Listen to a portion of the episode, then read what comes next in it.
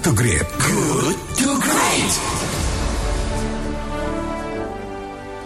Sahabat Kelight, tiga mahasiswa dari Universitas Kristen Satya Wacana atau UKSW Salatiga yang tergabung dalam tim inovator Kaspia berhasil menciptakan produk bioplastik berbahan dasar kulit singkong. Nah, bioplastik ini diklaim ramah lingkungan karena dapat terurai. Bioplastik yang diciptakan oleh tim inovator Kaspia ini berhasil mengharumkan nama Indonesia dengan eh, meraih medali perak pada ajang Thailand Investors Day 2020 di Bangkok International Trade and Exhibition Center atau BTEC, Bangkok, Thailand yang berlangsung pada 2 sampai dengan 6 Februari 2020 lalu yang diikuti 500 peserta dari 23 negara.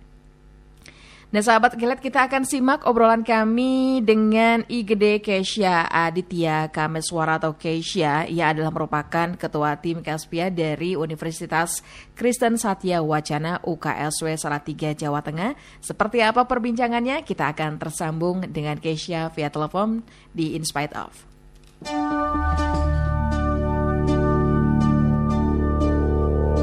In Spite Of. In Spite Of.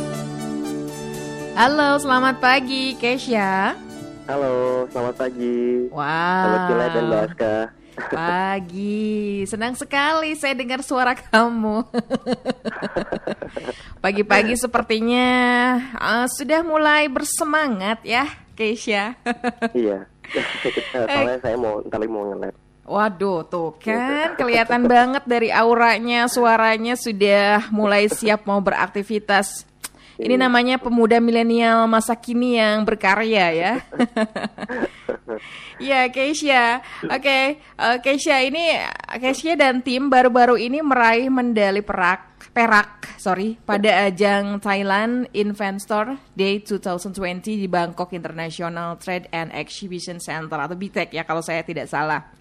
Ya, betul. Di Bangkok, Thailand ya.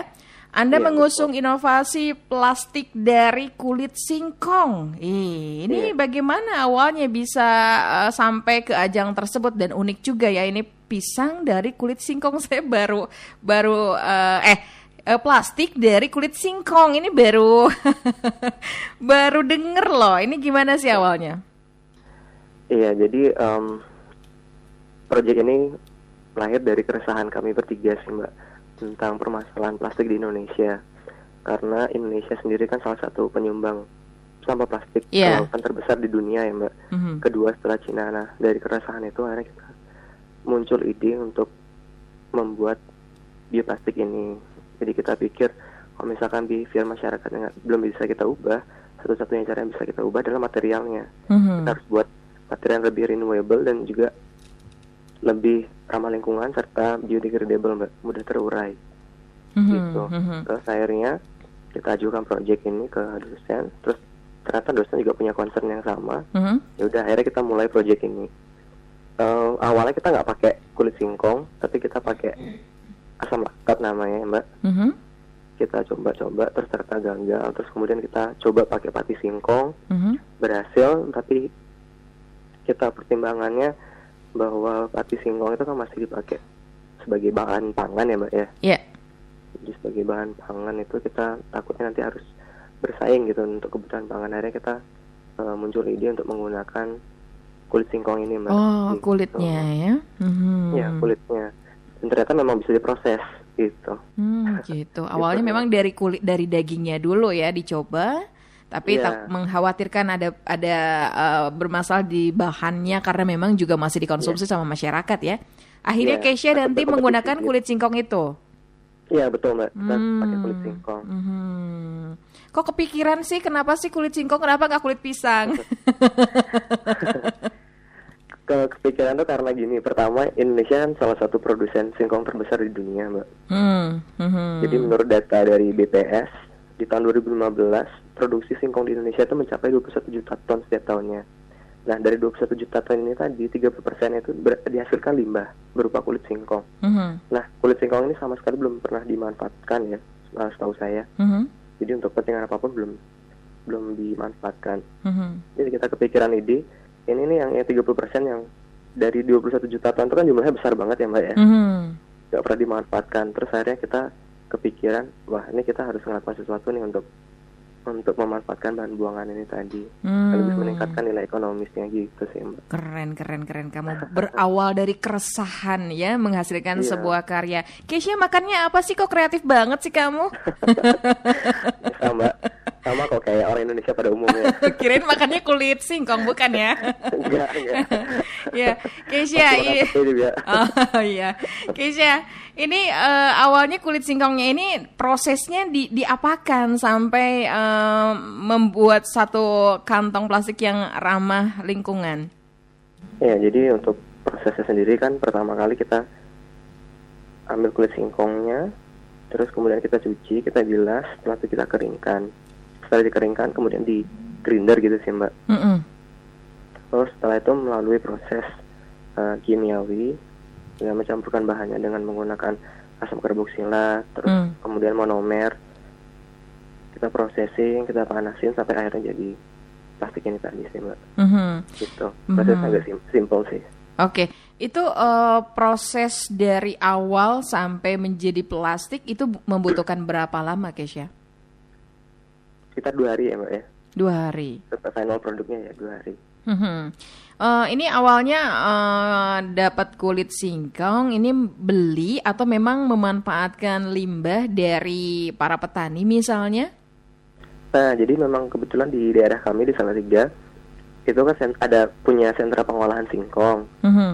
Jadi memang produk singkongnya banyak di sini Mhm. dan eh, buangannya itu ya dibuang begitu aja nggak pernah dimanfaatkan. Jadi kita kemarin itu datang ke salah satu produsen singkong terus kemudian kita bilang bahwa kita punya proyek untuk buat bioplastik dan ternyata bapaknya welcome banget sama kita. Terus eh, bapaknya membolehkan kita untuk mengambil sampel singkong dari sana, sampel Mhm. kulit singkong. Oke. gitu. Jadi kita selama ini masih ngambil dari produsennya sih mbak. Oke. Ini dalam proses pembuatan eh, inovasi plastik dari kulit singkong ini apa kendalanya? Ad- Adakah kendalanya, Keisha? Kalau kendala banyak banget mbak. Apa aja tuh? Eh, kendalanya mungkin ini sih dari sifat bahannya sih mbak. Kan kita harus buat material yang kuat ya mbak ya, durable. Terus Mhm. kemudian harus tahan air. Mhm. Terus kemudian juga harus tahan panas karena kan kita mau jadikan ini sebagai kantong plastik ya mbak. Mhm. Itu sih Mhm. challenge-nya yang paling paling utama itu Mhm. untuk merubah sifat bahannya. Oke. Ya, sampai sejauh ini eh, Anda kan eh, ini eh, dibimbing ya sama dosen untuk bikin ini ya. Iya betul mbak. Oke.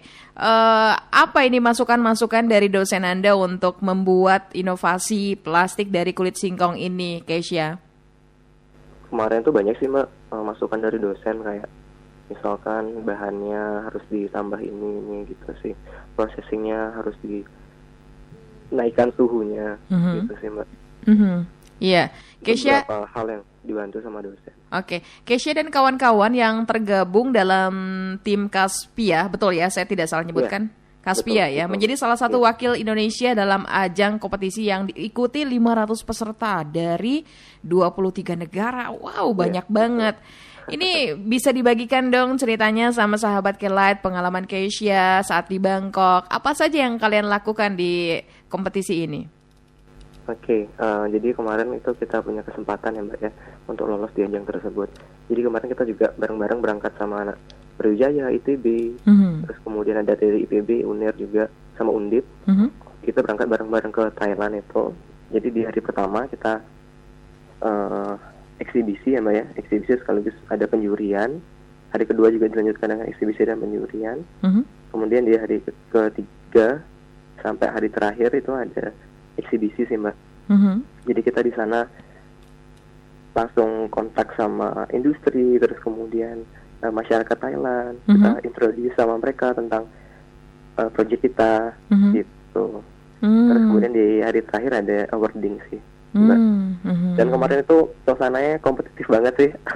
Pasti ya, 500 Kompetitif, ya. peserta banyak banget. 500 peserta ya dari Mhm. seluruh dunia. Mhm. Ya awalnya agak agak ini juga sih, agak skeptis juga bakal Mhm. Menang dapat medali itu agak skeptis karena kan ya kompetitornya juga berat-berat. Tapi pas eh, pas kamu sama tim kamu dapet eh, apa penghargaan yaitu kamu dapat medali perak ya. Itu gimana sih perasaannya? Nyangka nggak sih?